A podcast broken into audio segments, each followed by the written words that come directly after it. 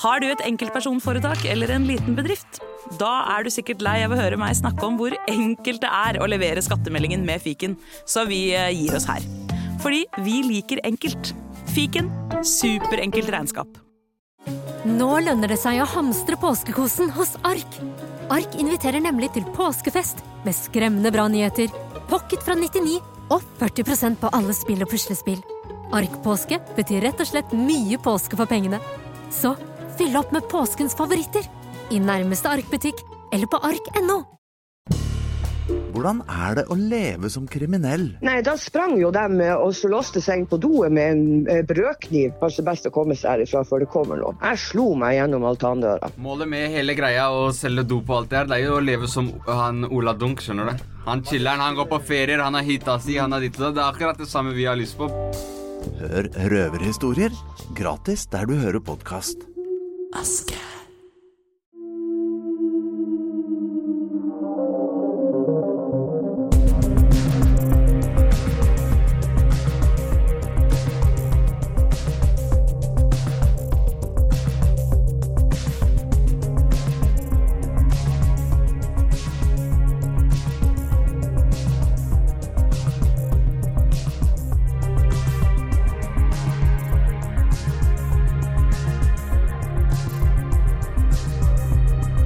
Ok. Ok. Helge starter alltid med OK! Ja, men det skulle egentlig bli slutt på det, da, men det har vi ikke fått til. Men du, nok om nok tullprat. Vi har jo en spennende gjest eh, med oss i dag. Absolutt. Gunnar eh, Børresen, Ja. du eh, å si at du er gammel politimann eh, er jo helt riktig, for du begynner jo å trekke på åra. Bursdag i dag. Takk for det. takk for det. Og fortsatt politimann. Er fortsatt politimann. Jobber i hundepatruljen nå. Nå jobber jeg i Hundepatruljen, så nå, nå gjør jeg noe helt annet enn det jeg har gjort øh, tidligere. Så jeg begynte der i, april i fjor. Og når jeg dro på meg kjeledressen da, så var det 18 år siden sist jeg hadde på meg uniform. Så det var litt spesielt. Men veldig morsomt. Men eh, det er ikke hundepatruljen vi skal snakke om i dag. Men, eh, men jeg har jo hørt rykter om at eh, du har fått tildelt en eh, hund som eh, Er du sjefen, eller er den bikkja sjefen? Jeg har møtt den bikkja. Den var jo den, eh, den er ganske skarp, er den ikke det? Jo, det, det, er en, det er en skikkelig maskin. Det er en, øh, en Malanois, en belgisk øh, forhund. Så han skal godkjennes i oktober, så det tror jeg kommer til å gå veldig, veldig fint. Men du svarte ikke på spørsmålet. er det du som er sjefen, eller er det bikkja? Nei, det er, det er meg. Ja. Jeg kan ikke si noe annet. Har du jobba, har du jobba mye med hunden før? Nei, Eller vet du hva, det det, det har jeg ikke. Nei, Så du er ikke en sånn hundefyr? Du har ikke hatt det på privaten? Nei, sånn det er på hundepatruljen i dag, så, så er det slik at uh, man går gjennom en søknadsprosess. Uh, og så er det da uh, en seleksjonsprosess eh, etter det. Og så blir da eh, de personene som, som hundepatruljen da mener er mest egna som hundeførere, de får eh, tilbud om eh, jobb. Og disse personene da, eh, og det er jo også meg, da, eh, får da tildelt en eh, statshund da, som er eid av, eh, eid av staten. Og da blir den hunden med deg hjem? Da blir den Blir hunden en del av eh, med meg hjem og blir en del av eh, familien. Ja. Det er riktig. Behandler man en sånn type hund på en annen måte enn en vanlig familiekosehund? Ja, altså dette her er jo, eh, dette er jo hunder med mye, mye drifter i. Vi har jo både schæfere og, og maller. Eh, og det er klart at eh, hunder med mye, eh, som har mye drifter i seg, de, de, hvis de ligger brakk noen dager, så kan de bli litt, bli litt slitsomme. Men dette er jo rovdyr. Så det er jo ikke Jeg hadde i hvert fall ikke kjøpt en Malle for å ha hjemme som familiehund. Det hadde jeg aldri gjort. Men men, hvor mye må du egentlig trene med den hunden? Ja, det er veldig, veldig mye.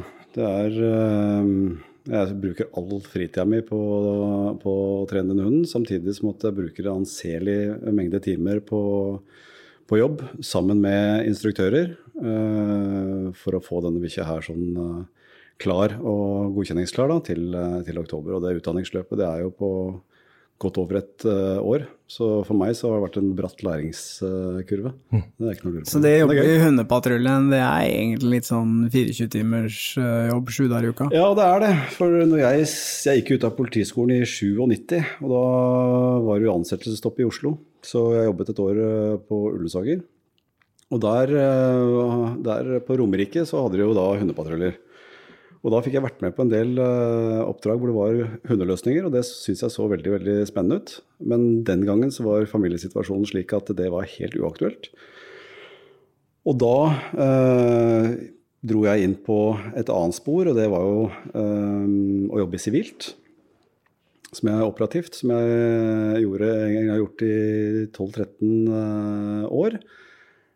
Og det var først nå at jeg tenkte at eh, nå skal jeg ta og, og, og eh, søke og prøve å få liksom eh, den drømmen jeg hadde den gang, til å bli en realitet. Og så var jeg så heldig å, å komme gjennom nåløyet. Så nå får jeg egentlig levd den drømmen som jeg hadde da jeg begynte på skolen. Så for meg så blir jo litt sånn ringen slutta. Det er kult, da. Det er at litt du eh, Mm. fikk det, det til slutt. Det her er jo din uh, fremtid fremover nå, men uh, vi skal vel kanskje gå litt tilbake i tid og høre om den tida da du var spaner, blant annet.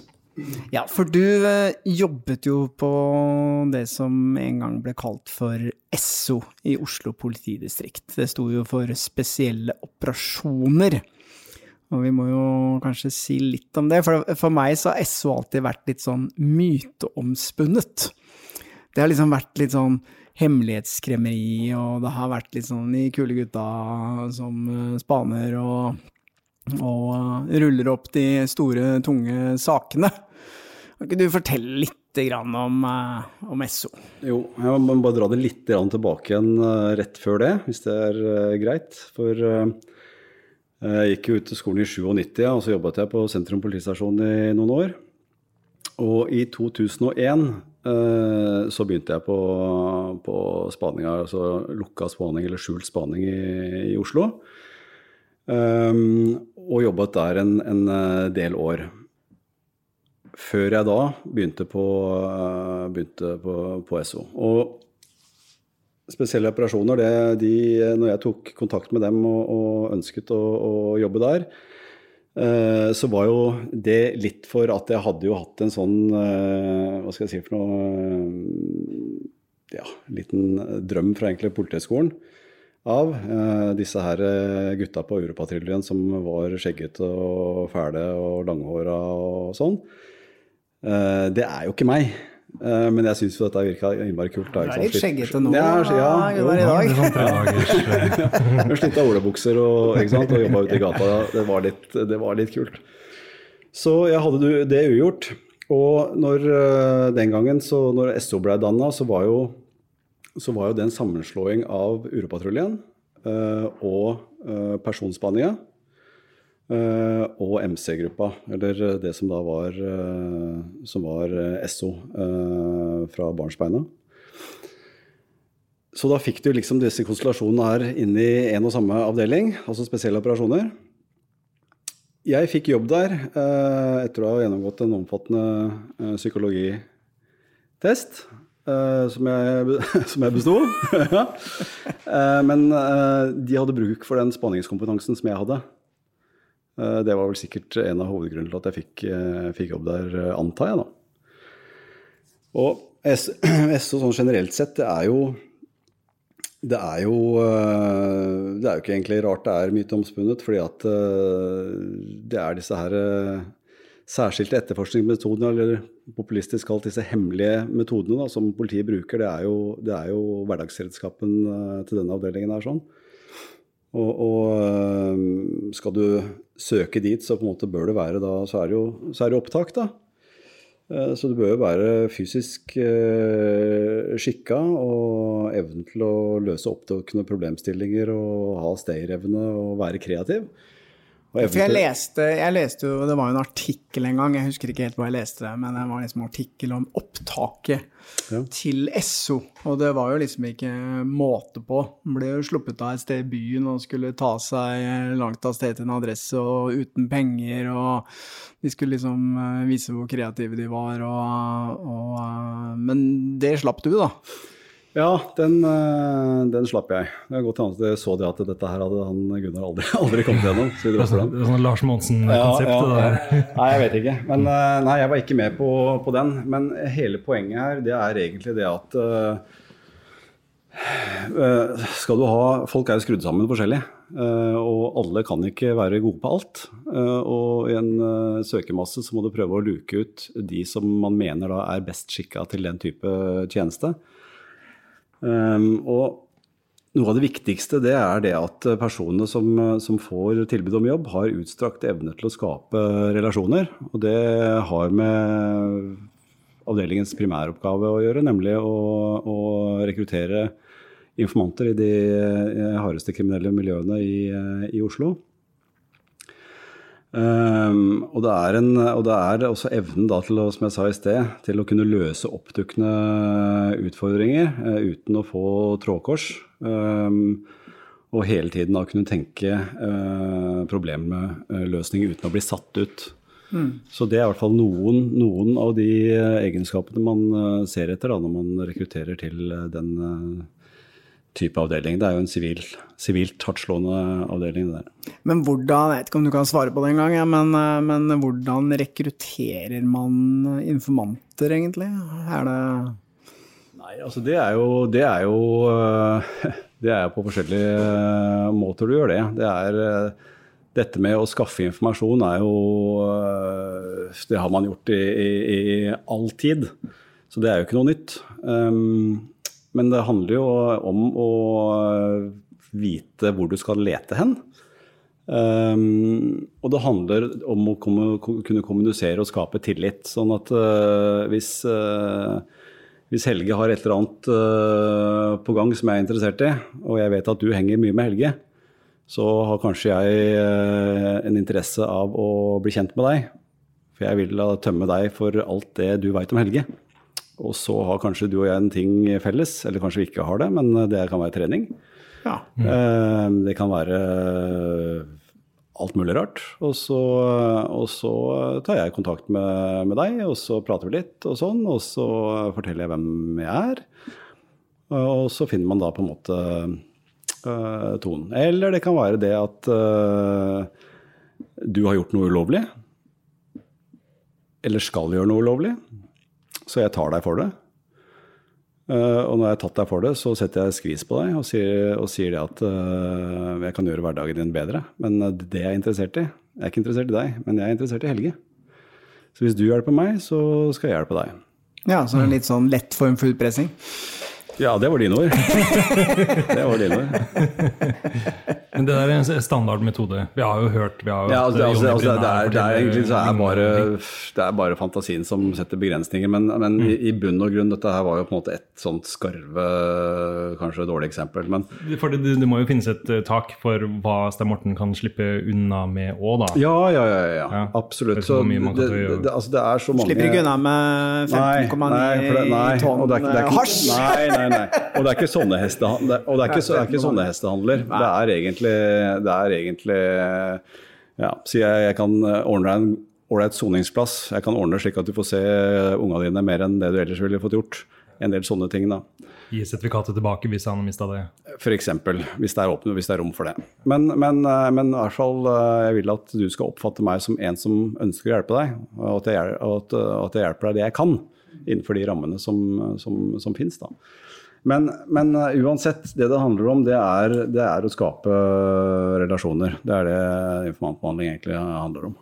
Men det høres jo ut som det også var en litt sånn 24-timers eh, jobb sju dager i uka. For vi, vi har jo litt erfaring med det, eller jeg har litt erfaring med det, jeg òg. At når man får sånne kilder, så, så plutselig så ringer de med døgnet rundt, og du eh, Ja, det er det, vet du. Du går med, med to-tre telefoner på deg hele tiden, og, og disse eh, SO driver jo med, med på, på, et, eh, på et ikke, på gatenivå, de driver med organisert kriminalitet. Det er, dette er tunge kriminelle de, de skal ha has på, og, og det er det miljøet de er nødt til å skaffe informasjon om, da. Slik at disse aktørene her sånn, de, de eh, har jo ikke akkurat en sånn 8-4 eller A4-døgnrytme. Det har de jo ikke, og det får jo informantbehandlerne kjenne på kroppen til, til gangs. Så hvis du har en eh, informant som, eh, som er ordentlig produktiv, så er det mer enn nok eh, heldagsjobb for to informantbehandlere. Det høres spennende ut, da, men eh, vi er selvfølgelig, eller hva, Helge, vi er litt nysgjerrig å få noen saftige historier. Ja, altså, det her med SO, det begrepet i det hele tatt, det var ikke så veldig kjent for meg før rettssaken mot Erik Jensen. Da ble det et sånn household-begrep. Ja, ja, ja. Har du jobba med han? Ja, han var, han var sjefen min i, i fire år. Ja. Hvordan var det? Hvor det var han som eh, sjef? Ja. Nei, du vet at jeg var jo fotsoldat, og Eirik var, eh, var eh, sjefen. Og mellom der sånn så var det mellomledere, altså førstebetjenter. Så jeg hadde ikke mye med han å gjøre i det hele tatt. Jeg hadde egentlig stort sett noe å gjøre med de, de mine nærmeste ledere. Mm. Men han, det var han som sto for den overordna filosofien i hvordan Ja, ja, man ja. skulle ja drive det, det, arbeidet? det, det var det. Ja. Absolutt. Og det var en god filosofi? Ja, altså er, eh, Vi fikk jo presentert den eh, filosofien gjennom eh, ja, våre avsnittsledere. Så, så forholdt oss til det, og det, vi hadde et godt regelverk å, å forholde oss til. Og, og ja, vi hadde informantinstruksen og, og eh, veldig god notoritet på det arbeidet vi gjorde med, med informanter. Så, så ja, det fungerte godt, det. Men det skjedde vel, eh, sånn som jeg har forstått det, så, eh, så på 90-tallet så var det ikke så mye notoritet, og så skjedde det noe, for det kom nye regler rundt årtusenskiftet, gjorde det ikke det? Ja, vet du hva, Det er jeg litt uh, usikker på, for når jeg begynte der sånn, det, det stemmer sikkert det du sier, men når jeg begynte der sånn, så var det jo, var det jo en informantinstruks som, som vi hadde å, å forholde oss til. Og de avsnittslederen som, uh, som jeg hadde, var i hvert fall veldig tydelig på at, at den instruksen skulle overholdes. Og vi hadde jo da, vi hadde jo da også hovedveiledere eh, på informantsiden som kvalitetssikret eh, arbeidet som ble gjort, og, og notoriteten eh, som da skulle ligge i bånn hos alle informantbehandlerne. Så det, det var det Nå husker jo ikke jeg helt når den endringen skjedde, men om det var liksom på slutten av 90-tallet eller hva det var for noe. Men vi, vi har jo hørt at eh, før et visst tidspunkt på slutten av 90-tallet, så, så var det veldig dårlige regler og, og rutiner for sånne ting, da. Ja, altså det blir jo, det blir jo øh, Før så var det litt sånn prøve og feile-metoden. Man måtte jo gå opp, øh, man måtte gå opp øh, den løypa der sånn, og det er klart at da, da ble det jo man, Da gjorde man seg jo en del erfaringer. som da resulterte da i den informansinstruksen som var gjeldende den gangen. Da. Men dette hemmelige nasjonale prosjektet som ingen vet hva er, og alle lurer på. Gunnar, nå har du sjansen. Ja, jeg lurer på det på ikke peiling. Bomtur igjen, altså. Sorry. Vi spør alle som er innom her. Noen vet. Men jeg er helt sikker på at eh, i løpet av de åra du jobba med personspaning og på SO, så, så skjedde det vel litt Ja, der må jeg rette deg, for jeg jobba ikke på personspaninga. Jonny Brenna jobba der. eh, Ja, Jeg på SO. At du jeg jobba på SO. på, på, um, på altså Det het lukka spaning, eller TTS som det heter i dag. Da, teknisk og taktisk uh, spaning. Det er de som skal følge etter kjeltringen uten at kjeltringen skal vite at noen følger etter dem. Ok. Ja. Men uansett, eh, du har jobbet eh, mange år på SO. Um, vi vil jo selvfølgelig høre noen eh, historier fra den tida. Hva er det du husker best? Nei, vet du hva.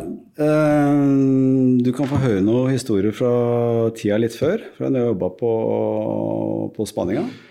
Eh, jeg sa jo at jeg begynte på spaninga i 2001 som ung, ung, ung tjenestemann. Og der var det jo Der var det jo da opptaks... Der var det jo da seleksjon og opptak der òg. Og jeg fikk tilbud om jobb. Og det som eh, I den tida der sånn, så var det jo Det var jo eh, Ja, vi var jo godt inne i verditransportranperioden og Ja, for dette var jo gullalderen for Ja, eh, ransmiljøet Ja, det var jo det. Det var jo det. Ja. Ja, det var det. Og det var liksom noen år Ja, det, noen år etter, på fem år etter, så fikk de jo skytinga på Rådhusplassen i Melafestivalen og sånne ting som er. Så det begynte å, det begynte å dra seg til.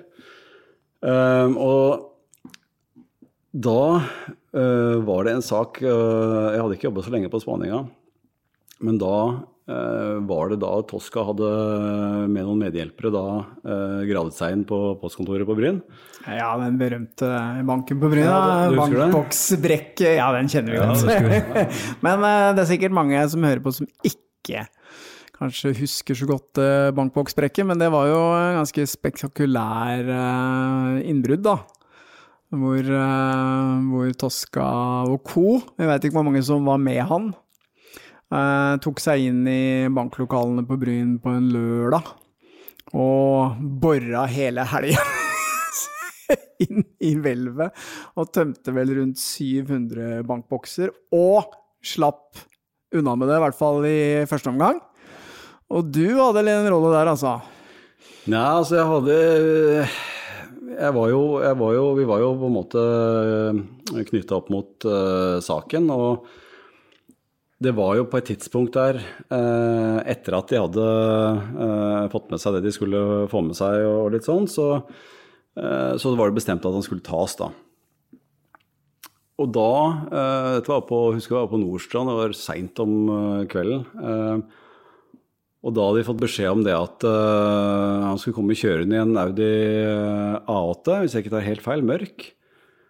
Og så skulle han, eh, han skulle kjøre inn, jeg husker ikke hvilken gate det var, jeg vil krysset, men han skulle i hvert fall tas da når han, når han eh, kjørte inn den der eh, gata.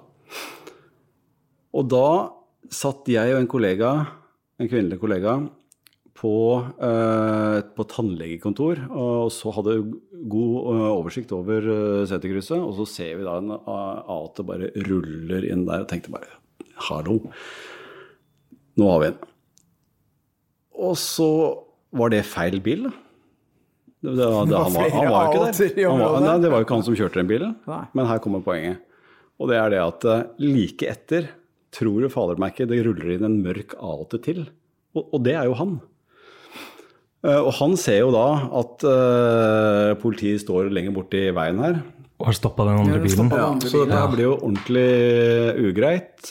Så det ender med det at eh, eh, Tosca prøver å eh, unndra seg politiet, og det blir eh, avfyrt skudd. Og den ene spanningsbilen blir torpedert av uh, Tosca Tosca skyter Nei, Tos nei, nei, nei, nei, han Hvem skyter er ikke. Å ja, politiet avfyrer Ja, skudd. politiet Ja. avfyrer skudd mot han, for de oppfatter det slik at han prøver å kjøre ned politiet for å unndra seg arrestasjon. Men Mot han, mot dekkene på bilen hans, eller? Nei, det, vet du hva, det vet jeg ikke. Nei, okay. Jeg Nei, men han prøv, prøvde jo. jeg, hører, jeg hører bare skuddet. Ja. og så, Jeg hørte en historie om en politimann som måtte hoppe ut av veien. Ja, det, det, det er den greia. Ja, Han mm. måtte hoppe ut, ja. Så når da, etter, etter politiet har avfyrt eh, ett skudd, var det vel, så tar eh, Tosca og eh, torpederer den ene spaningsbilen og kjører da videre. Da kjører inne i spaningsbilen, da. Ja. Ja, var da han var på treff? ja, da, han, da, skal han, da skal han Da skal han, eh, da skal han eh, det stikke. Han fikk jo sikkert uh, hetta, naturlig, naturlig nok. Ja, og så blir han borte. Og man drar liksom Man sprer seg, alle spanningsbilene og, og folk fra SO den gangen og fra beredskapstroppen og sånn, sprer seg utover byen for å prøve å leite etter denne A8-en og han, da, for nå, nå skal han jo tas. Og her på en måte er jo det der som å lete etter nåla i høystakken. da. Så jeg og den kvinnelige kollegaen min, vi, alle er jo rundt omkring, så vi kjører ned i sentrum. Og så når vi er like ved Rådhusplassen, så får jeg beskjed om at uh, han er borte ved rundkjøringa på Aker Brygge. Og da er jo vi bare noen få meter unna. Dette er eh, på natta, tidlig på natta, tror jeg, en eller annen gang. Og det er jo helt folketomt. Og jeg tenker, hva fader gjør du for noe da? Uh, klart, vi, vi var jo bevæpna. Vi jeg hadde jo revolver hadde vi den gangen. Så jeg hadde revolveren min. Uh, men og ser han på en måte komme gående sammen med en til fra rundkjøringa av Aker Brygge mot festningen. Og det er ikke en kjeft ute. Åssen skal du angripe dette her, da? Og da tenkte jeg, tenkte jeg at ja, ok, greit, skal vi gå fram nå, da, så rette våpen mot den, og, så, og sånn. Men plutselig da, så kan det jo hende det at han gjør det samme.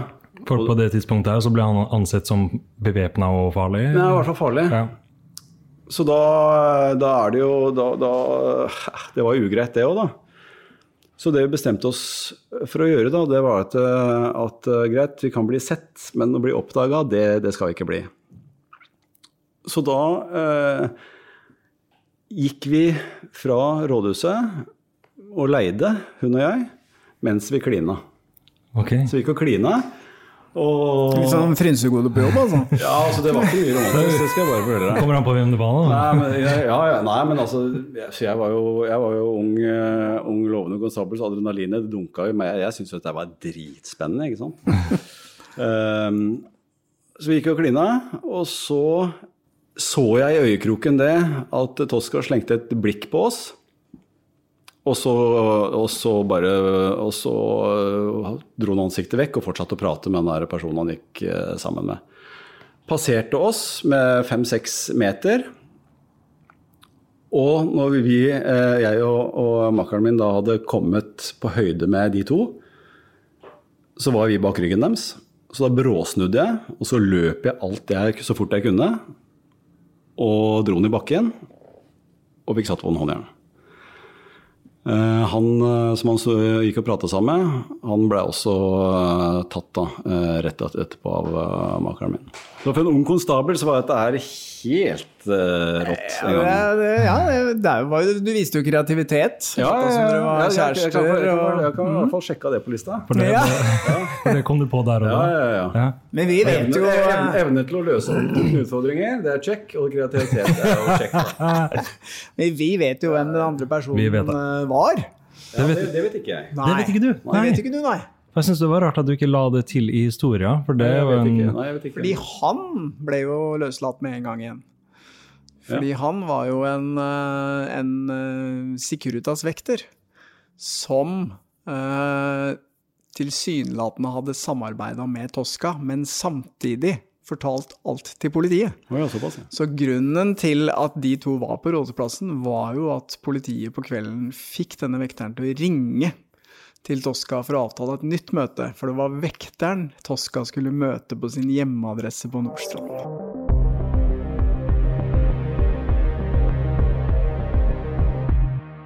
Politiet visste jo gjennom den her informanten at det her skulle jo skje. Mm.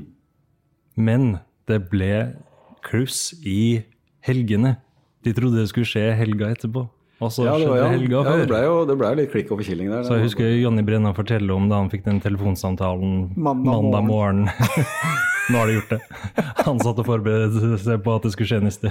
Da, da var det dårlig stemning på politihuset, for å si det sånn. Ja, det tror jeg på. Nei, men altså, det er jo ikke bare eh, David Hoska som har vært inne i den eh, banken der. Vi, jeg og Stein Morten har vært og sett på det hullet som de bora opp, og vi har også sett bilder av David Hoska på den tida. Han har ikke vært nede i hvelvet. Nei, og vi har jo også uh, fått tilgang til alt uh, som ble lagt inn i banken, altså boiler Ja. og alt verktøyet. Ja, ja. Og én mann trenger ikke åtte forskjellige uh, av hvert uh, av utstyr, da. Åtte Nei. forskjellige ting. Nei, Så jeg tror det var ganske mange som var inne der. ja. som var inne Ja. der. Altså. Nei, jeg, vet, jeg var jo så, så øh, fersk den gangen der sånn at jeg ble jo ikke informert om akkurat mer enn det jeg trengte å vite. Mm. det gjør jeg ikke. Jeg måtte jo bare forsvare meg litt nå, og jeg måtte føle meg litt tatt på senga. Ja, men Det er vel helt riktig, det. Det er jo ikke sånn at alle skal vite alt heller. Nei, takk. Ja. Nei, men det er bare, hvis du er noe mer du lurer på, så er det bare å Ja, spørre. jeg skal. Ja, nei, men Hvis du er noe å lure på, Gunnar, så kan vi Nei, men det er jo sånn det er i politi. Man har jo ulike roller. ja, man har det. Og så er det noen som, får, som sitter med den totale oversikten. Men Gunnar, eh, jeg vil jo tro at eh, det du jobba med den gangen, eh, først og fremst kanskje involverte mange narkotikasaker. For det var vel kanskje det det var mest av, eller hvordan var det? Jo, altså det var, det var en del narkotikasaker, absolutt. Det var både kurersaker, dvs. Si innførsel av narkotika inn til landet, og, og, og narkotikasaker hvor eh, sakene starta med at vi visste at det var depoter et eller annet sted, men vi visste ikke hvor. da. Og så var det på en måte å prøve å ta, ta depotene og, og de som, eh, de som eh, eide depotene. Så jeg kan dra en, en liten morsom en. Ok. En, en så for å sjekke, bare for, for å kunne hake av denne kreative biten en gang til. Mens jeg er her, liksom. Som, eh, hamrer inn at du har ståkarakter på det. Får, får podkast-tid. Det er ikke hver dag. Nei da. Eh, denne saken her sånn, det var eh, Da var vi visste at eh, det var en kar i Hokksund. Han eh, satt på en eh, del kilo amfetamin. Vi trodde kanskje tosifra kilo med amfetamin. Eh, Vi visste også eh, gjennom eh, kommunikasjonskontroll det at det var en kjøper som var på vei. Denne kjøperen skulle ha én kilo med amfetamin. Vi visste ikke hvem kjøperen var, men vi hadde kontroll på han vi mente var depotmannen, altså han som hadde tilgang til depotet der varene lå. Og vi, eh, gjennom spaning så fant vi da ut at han hadde et eh, møte med en eh, annen kar, en polakk. Vi fulgte han polakken til det hotellet han sov på, for disse, møtet mellom disse to var bare kort. Vi, vi så at det hadde ikke vært noe overlevering mellom de to. Så de skilte lag, og polakken han dro på, til hotellet sitt.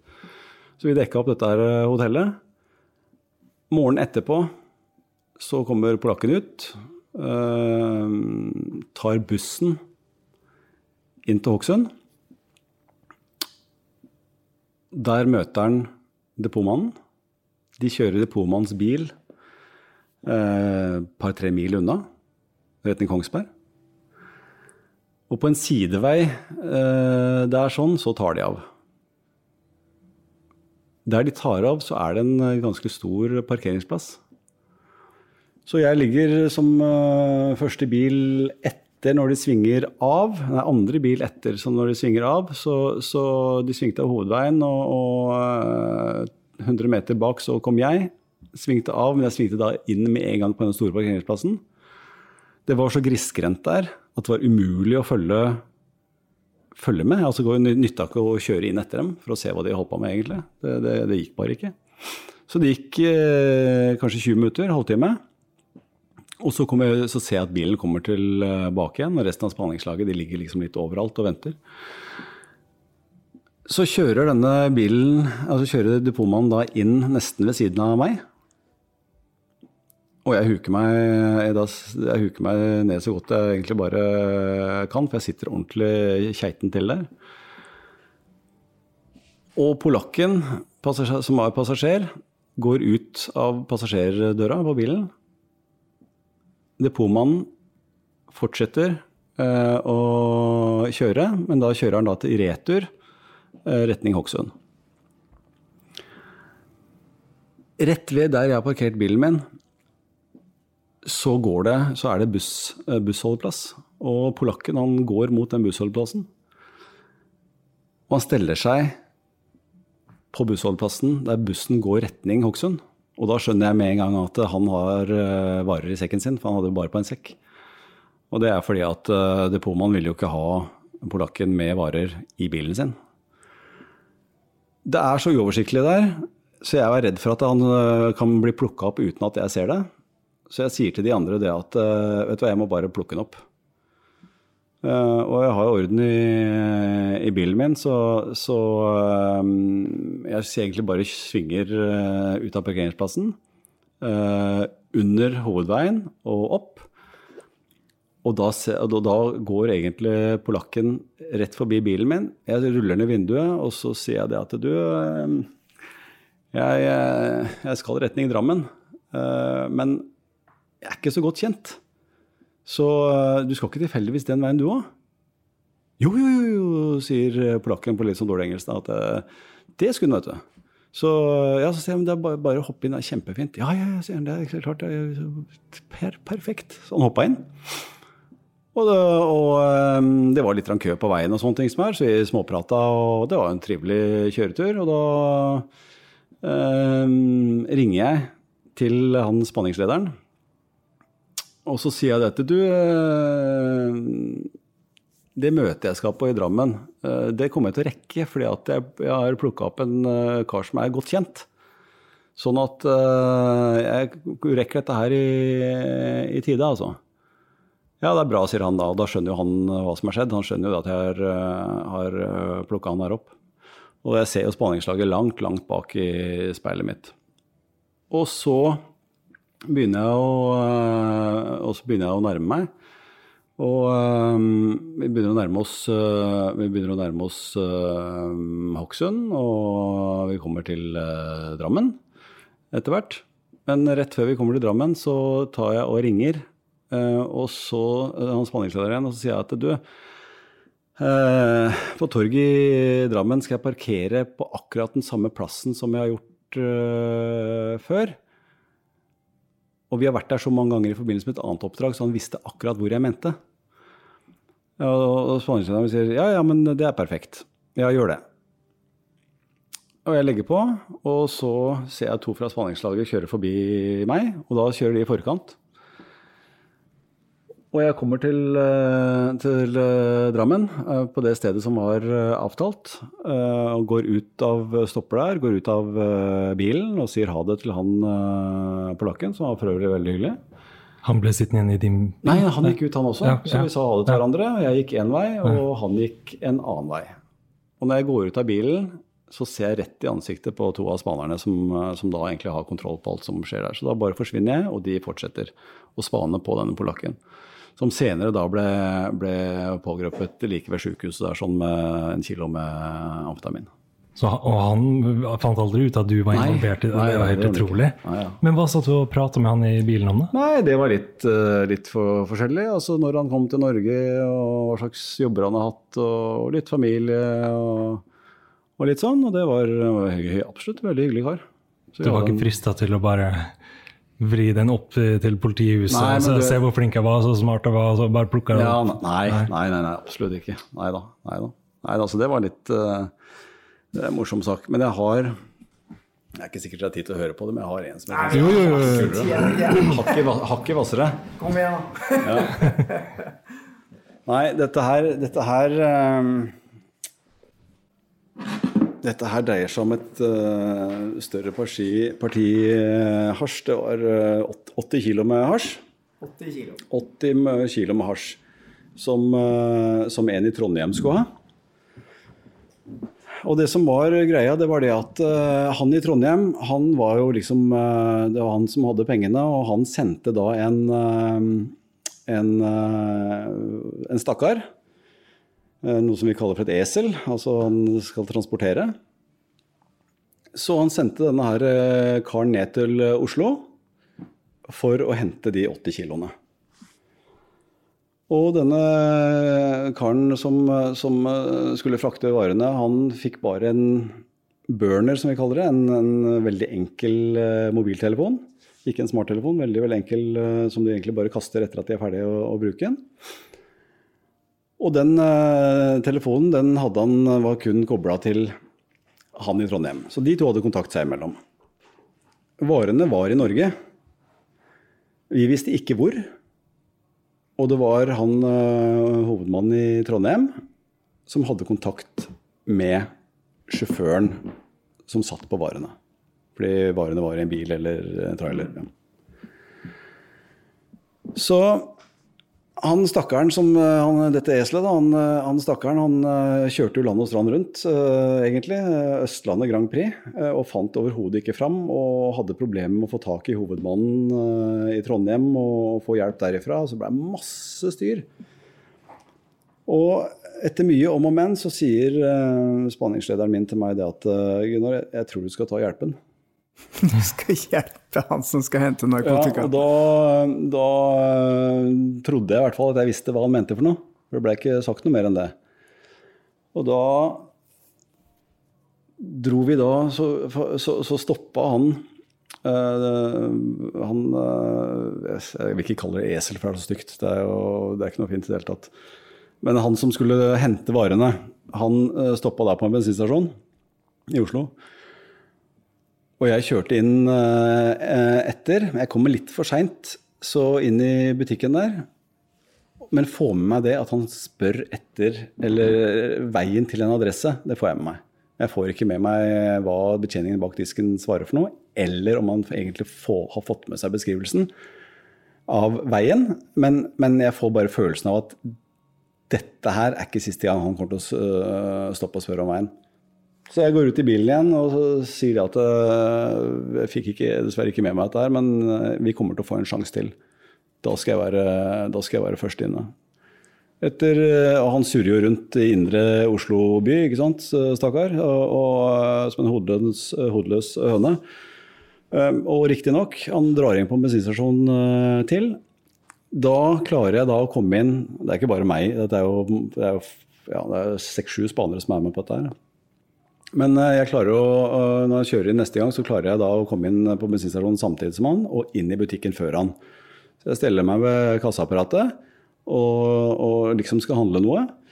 Um, og så kommer han da, ser jeg at i sidesynet at han kommer uh, bak meg, fram til kassa, og så spør han da etter en spesifikk adresse. Hvorpå jeg snur meg til han og sier Neimen, skal du dit? dit? Dit skal jeg også. Jeg skal dit faktisk nå. Fordi at uh, jeg skal på et møte i morgen, og jeg er nødt til å hente noen dokumenter. Jeg har kontor der. Hvor han da sier Ja, men det er jo det er perfekt. Ja, så jeg det, det er øh, perfekt. Men da Jeg har litt dårlig tid. Da var klokka typ 9-10 på kvelden. Kanskje enda litt seinere. Det var mørkt, husker jeg. I hvert fall en halve, med halvmørkt. Og sa at da, da, jeg, da må vi bare kjappe oss, for jeg har litt dårlig tid. Fordi, øh, ja, så, så skal du være med, så må du følge med nå. Ja, ja, han, han ble med. Så sa at da, da må du gå og sette deg i bilen. Og så kommer jeg, øh, kjører opp på siden av deg, og så følger du bare meg til adressen. Går og, han går og setter seg i sin bil. Jeg hadde parkert rundt hjørnet, så jeg går og setter meg i min bil. Tar en kjapp, øh, kjapp beskjed til de som er øh, ute. Og der hang jo politihelikopter i lufta, og Bresa-troppen var der, og folk fra SO var der. og, og litt sånn, Så det var jo mye folk som var satt på den saken der, da, for det var jo betydelig kvanta det her var snakk om. Og da fikk de beskjed om det at, øh, at øh, han ville følge med meg, da. Så, så de helikopteret låste seg på min bil, og da fikk de jo han også. Uh, Beredskapstroppen SO de dro jo da opp til adressen. Uh, og det var et, var et eh, slags type industriområde. Og dekka opp der. Og så satt, kjørte jeg fram til bilen hans, rulla ned vinduet og så sa jeg at da, da bare, bare, bare, følg etter meg, heng på, så er vi der i løpet av noen få minutter. Og han var strålende fornøyd, han. Så, og det var jeg òg. Så begge var kjempefornøyde. Kjørte ut derfra med et glis om munnen, begge to. Eh, og kjørte da rett opp til adressen. Og jeg gikk ut av bilen, og han gikk ut av bilen, og vi sto og småprata litt. Grann. Han takka deg for å ha vist veien. Han eh, takka, og alt, alt dette ble filma av politihelikopteret. Og så satte jeg meg i bilen og kjørte fra stedet. Og da hadde, jo, da hadde man jo full kontroll på hva som skjedde, for der lå jo både Beredskapstroppen og, og, og SO. Så tok det ikke lange stunda før denne herremannen her sånn begynte å lesse ut 80 kg med hasj fra en trailer. Så når han hadde lessa bilen sin eh, full, eh, sånn at fjæringene, det skreik i fjæringene Nei, var overdriver litt, da. Han lessa på de 80 kiloene, og så smakka han bagasjelokket, og så kjørte han. Etter at han hadde kjørt, så blei det klinka til mot den eh, traileren. Men spanninga lå, på, lå på bilen der hvor disse 80 kiloene var. Jeg holdt meg godt i bakgrunnen, for jeg hadde brukt min bil. Um, han kjører tilbake igjen retning eh, Trondheim, men kommer så vidt ut av Oslo før han drar inn på bensinstasjonen eh, på nytt. Så hva han skal for noe der, det må jo gudene vite, men tilfeldighetene gjør det at jeg eh, Når han drar inn der, så ligger jeg ganske langt bak i spaningslaget, men allikevel så får jeg dratt inn på en eh, bilbutikk som er eh, med overhøyde. Så jeg ser egentlig akkurat at han sakker farta ned foran en pumpe, og tenninga blir slått av. Så jeg melder jo øh, det ut, hva jeg ser for noe. Han går inn i øh, butikken, kommer ut igjen, og da kjører troppen inn og tar den. Så han røyk. Han røyk. Så, Han angrer på at han eh, fulgte etter deg. ja, jeg tror han gjorde det.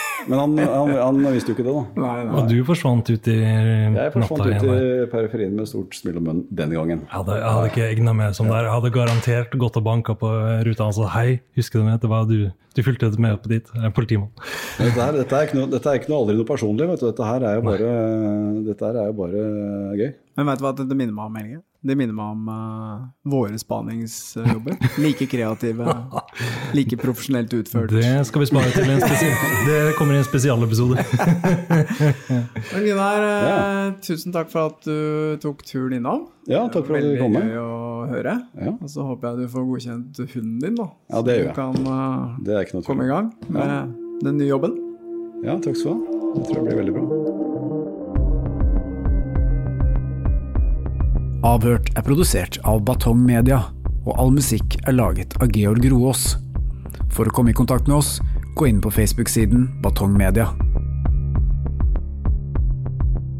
Hvis du vil høre flere eksklusive episoder av Avhørt, så gå inn på podme.no, eller last ned appen Podme.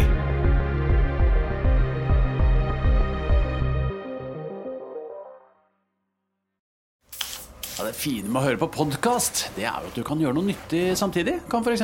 endelig fikse den eh, skapdøra på badet. Sånn. Alt du trenger til enkelt vedlikehold hjemme, finner du på Nå lønner det seg å hamstre påskekosen hos Ark. Ark inviterer nemlig til påskefest med skremmende bra nyheter, pocket fra 99 og 40% på alle spill og puslespill. Ark-påske betyr rett og slett mye påske for pengene. Så fyll opp med påskens favoritter i nærmeste Ark-butikk eller på ark.no.